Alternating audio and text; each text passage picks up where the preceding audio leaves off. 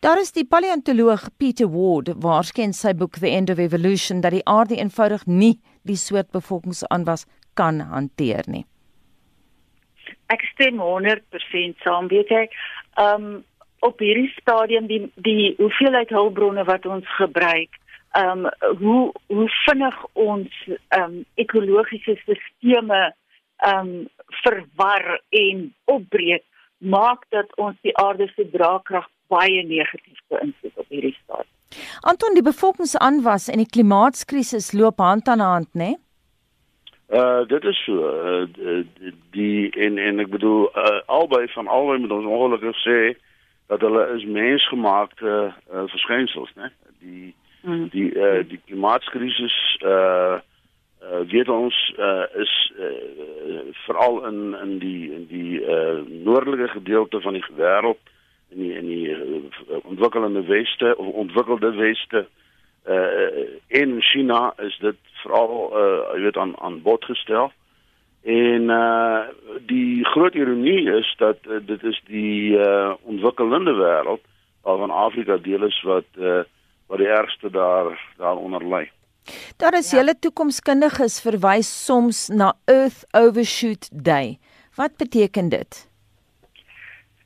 Anita, dit is 'n nommer wat mense wat dit swaar op hulle hart lê hoe ons met die hulpbronne van die aarde omgaan gebruik om vir mense dit 'n bietjie meer tasbaar te maak want al hierdie statistiek en goed kan partykeer 'n bietjie verwarrend wees.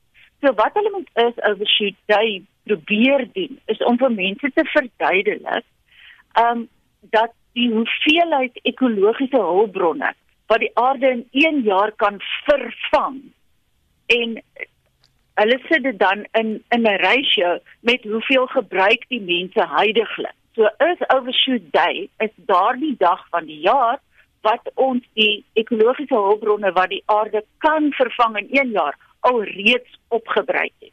En daai datum het baie vinnig so as ons baie mooi werk en net die hulpbronne gebruik wat die aarde in 1 jaar kan vervang, dan is is overshoot day op 31 Desember.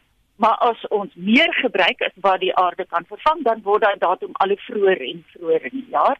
En die skerry ding is dat hy op hierdie stadium al reeds hier aan die einde van Julie 29 Julie is waarop hulle raai is hy in 2019. Wat baie skerry is want dit is net 'n bietjie meer as die helfte van die jaar. Dan het ons alles opgebruik wat die aarde in 1 jaar kan vervang. Daar is ek wil vir 'n oomblik by jou bly. Wat is die optimum aantal mense wat moeder aarde nog kan hanteer? Het ons 'n spertyd soos wat ons byvoorbeeld met aardverwarming het? Daai spertyd is 2030. Maar hoe lyk dit in terme van die bevolkingsaanwas? Dit is dit klink asof dit 'n maklike vraag is, maar dit is eintlik 'n baie komplekse vraag. Op hierdie stadium speel um, wetenskaplikes met 'n nommer so non, rondom 9 miljard wat baie skerry is want ons is bitter naby daaraan. Um dit voel asof op hierdie stadium is ons so 7.7, so 9 is nog regtig ver, maar teen die spoed waarteen ons aanwat is 9 glad nie ver nie. En dan moet ons onthou dat daai draagkrag is op gemiddeldes uitgewerk nê? En daar's 'n baie interessante ehm um, reëltjie oor limite. Die limite van hulpbronne word nie bepaal of die draagkrag word nie bepaal deur die gemiddelde hoeveelheid hulpbronne nie, maar die hoeveelheid van die skaarsste belangrike eenheid. Ek gebruik die voorbeeld van ken nou ek wil koek bak, nê? Nou ek's nie hoog op in koek bak nie, maar ek weet mense het eiers en meel en melk en olie nodig. Nou sien nou ek het 50 kg meel en baie olie, maar ek het net 2 eiers, né? Nee? Dan kan ek net soveel koek bak as wat 2 eiers of as ek 0 eiers het. Nou ek weet daar's 'n tannie iewers met 'n resep vir koek sonder eiers. Maar gaan met die storie. Verstaan? So ons moet pas op om te sê maar daar is nog uitelike hulpbronne. Ons moet kyk na wat is daai wat regtig besig is om bitter skaars te wees. En ons begin eintlik nog net regtig die die absolute kompleksiteit van die aarde se ekologiese balans te verstaan. Um So daai skaarste hulpbronne is wat my bang maak. Anton, daar word voorspel dat Afrika die grootste bevolkingsaanwas sal moet hanteer, 'n ekstra 3 miljard. Maar hoe kan die probleem opgeslaan word wanneer, soos wat die Britse Guardian die week geskryf het en ek haal direk aan, President Magufuli van Tansanië het net verlede jaar gesê niemand met hulle steur aan buitelanders met sinistere motiewe wat sy mense wil voorsê oor voorbehoedmiddels nie. Hoe verander mens enige soort gedrag met hierdie soort uitsprake? Ja, nee, ek moet sê Anita, dit is daarom een van die meer skokkende uitsprake uh, wat ek wat wat ek uh, al in my lewe gelees het en dit wys hoe ongelooflik onverantwoordelik politieke leiers kan optree in krisisse van hierdie aard. Dis nou 'n baie goeie voorbeeld met betrekking tot die bevolkingsprobleem waaroor ons vanoggend praat.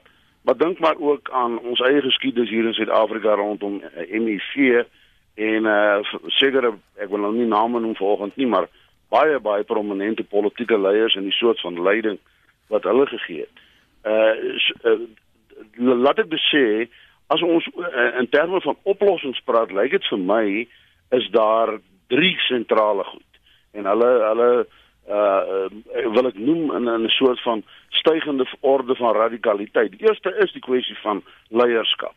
Uh as ons baie meer verbeeldingryke leierskap veral uit politieke maar ook uit sake en ander uh uh burgerlike samelewing kontekste kan kry om uh jy weet mense bewus te maak van die gevare van uh, oorbevolking dan sal dit dink ek al al baie help. Laat ek net myself onderbreek en sê ek ek luister na wat daar sê uh, uh terselfdertyd moet ons natuurlik ook sê dat ons is nie heeltemal altyd seker van hoe die aarde homself gedra en hoe hy aanpasbaar is nie. Daar is in in die in omgewingskringe die sogenaamde Gaia hipotese waarvan mense praat, net die hipotese wat sê dat die aarde die klimaat sorteer homself en en probleme in die op die aarde sorteer hulle self op hulle eie manier uit. Ek dink nie mense moet te veel waarde daaraan heg nie, maar dit is ook 'n oorweging. Maar goed, ons het nou oor leierskap gepraat. 'n Tweede faktor as dit kom by by by bevolking uh, wat ek baie sterk wil beklemtoon is die kwessie van geletterdheid. Hier het ons 'n fantastiese voorbeeld in Afrika gehad. Zimbabwe, ons uh, buurland, uh in 'n stadium so omtrent 3, 4 jaar gelede het hulle syfer van HIV-infeksies dramaties begin daal.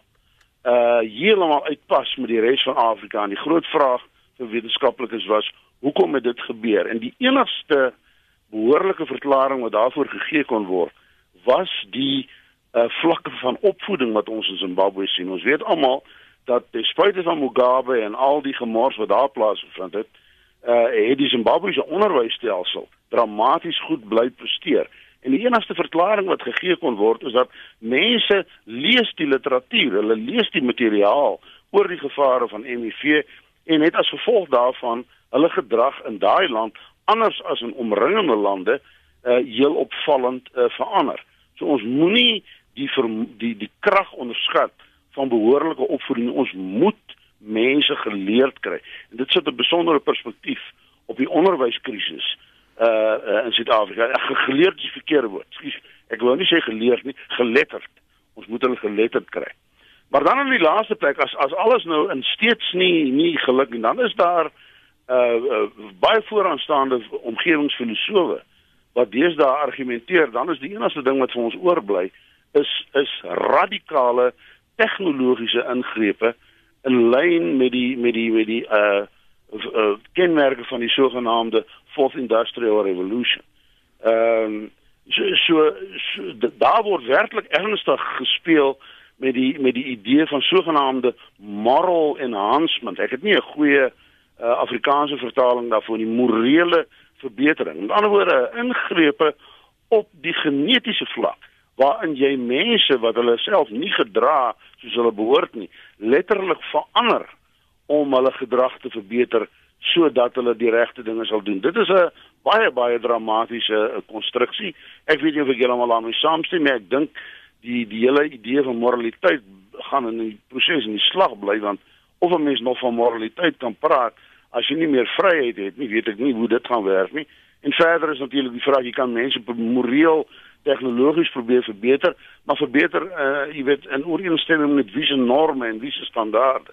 So hmm. ek wil net sê dat daar is uh verskillende vlakke dink ek waarop mense kan dink uh, uh en feit feit van die saak is die die situasie moet verander anders gaan ons ongelukkig gedwing word om al hoe meer te beweeg in die rigting van radikale tegnologiese oplossings.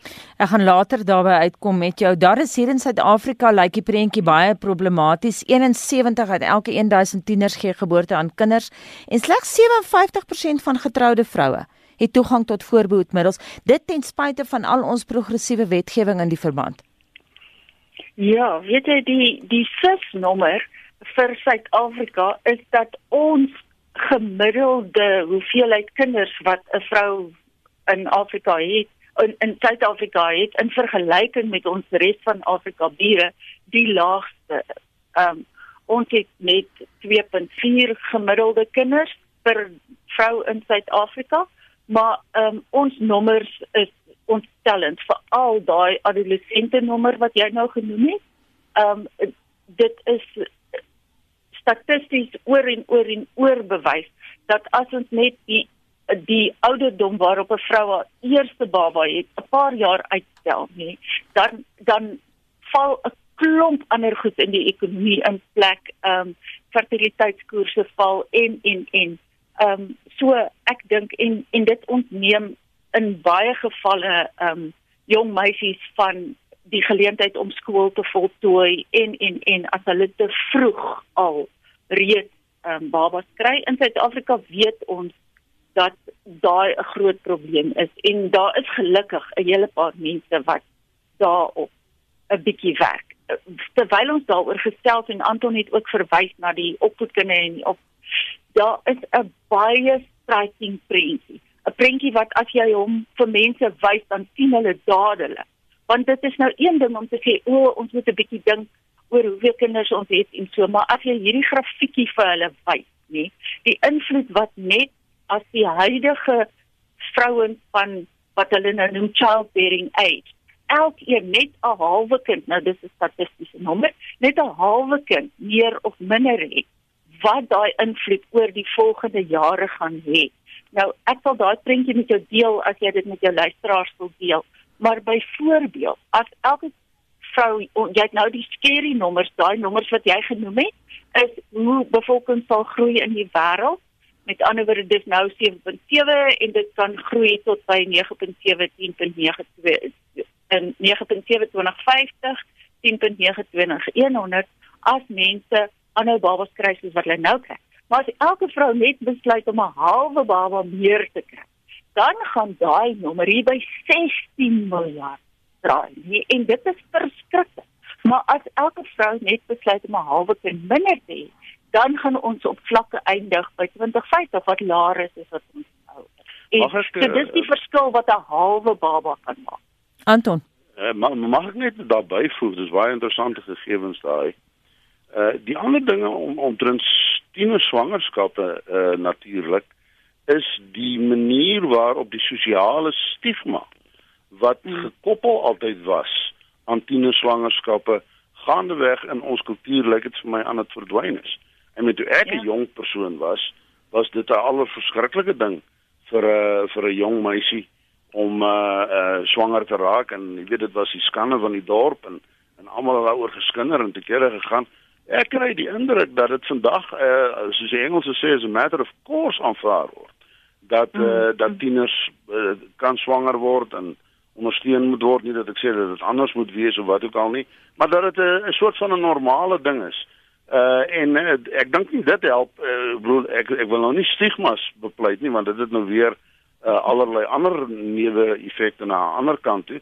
Maar uh feit van die saak is dit help ook nog nie vreeslik baie as dit kom by by die vermindering van tienerswangerskap. Nou wil ek aansluit by jou Doris, is daar nie ook 'n probleem in terme van uh, sekere jong vroue wat swanger raak want hulle kry ja. toelaat nie? Ai, weet jy, daai is nou baie keer het mense met ingrepe wat jy doen veral in die ekonomie of in enige stelsel, het jy goeie goeie bedoeling. En dan het ons op die tweede of die derde orde impak kom daar hierdie onverwagte gevolge, daai unintended consequences. En ek dink een van die unintended consequences van ons um social grant is dalk dat dink jy in die posisie van 'n uh, jong meisie in 'n klein dorpie met min of meer geen potensiële ekonomiese aktiwiteit opsies nie. Sy gaan nie werk kry nie of niks nie. Dan is die vinnigste manier waarop sy 'n klompie rande elke maand kan bymekaar maak is om 'n hele paar babas baie gou op mekaar te kry, dan kry sy darm daai by child grant, nee, en dit is dan haar enigste inkomste.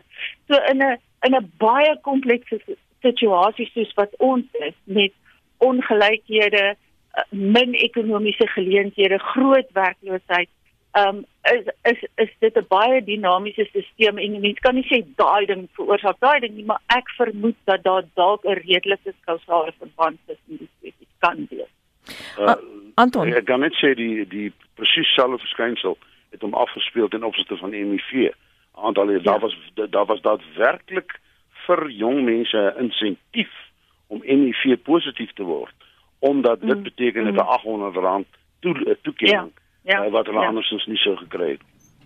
Ja. Laaste woord aan jou, daar is uh, dit gaan hier nie net oor die ekstra mense wat die planeet moet dra nie. Ons praat hier van voedselsekerheid, die invloed van bevolkingsaanwas op voedselsekerheid, maar wat van die impak daarvan op mensgemaakte infrastruktuur?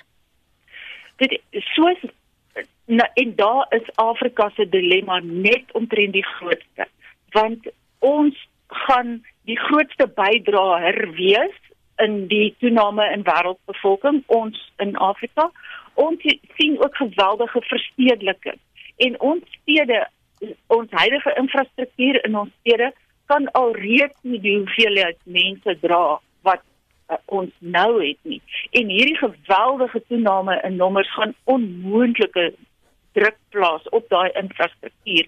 En wat ons dan sien is 'n geweldige knock-on effek want daai groot hoeveelhede mense die infrastruktuur kan hulle nie hanteer nie. Met ander woorde daar word dan waterbronne besoedel omdat die rioolstelsels nie die ekstra mense kan nie hanteer nie. Die die water wat besoedel word maak dat plante nie kan groei nie dat mense nie die water kan drink nie.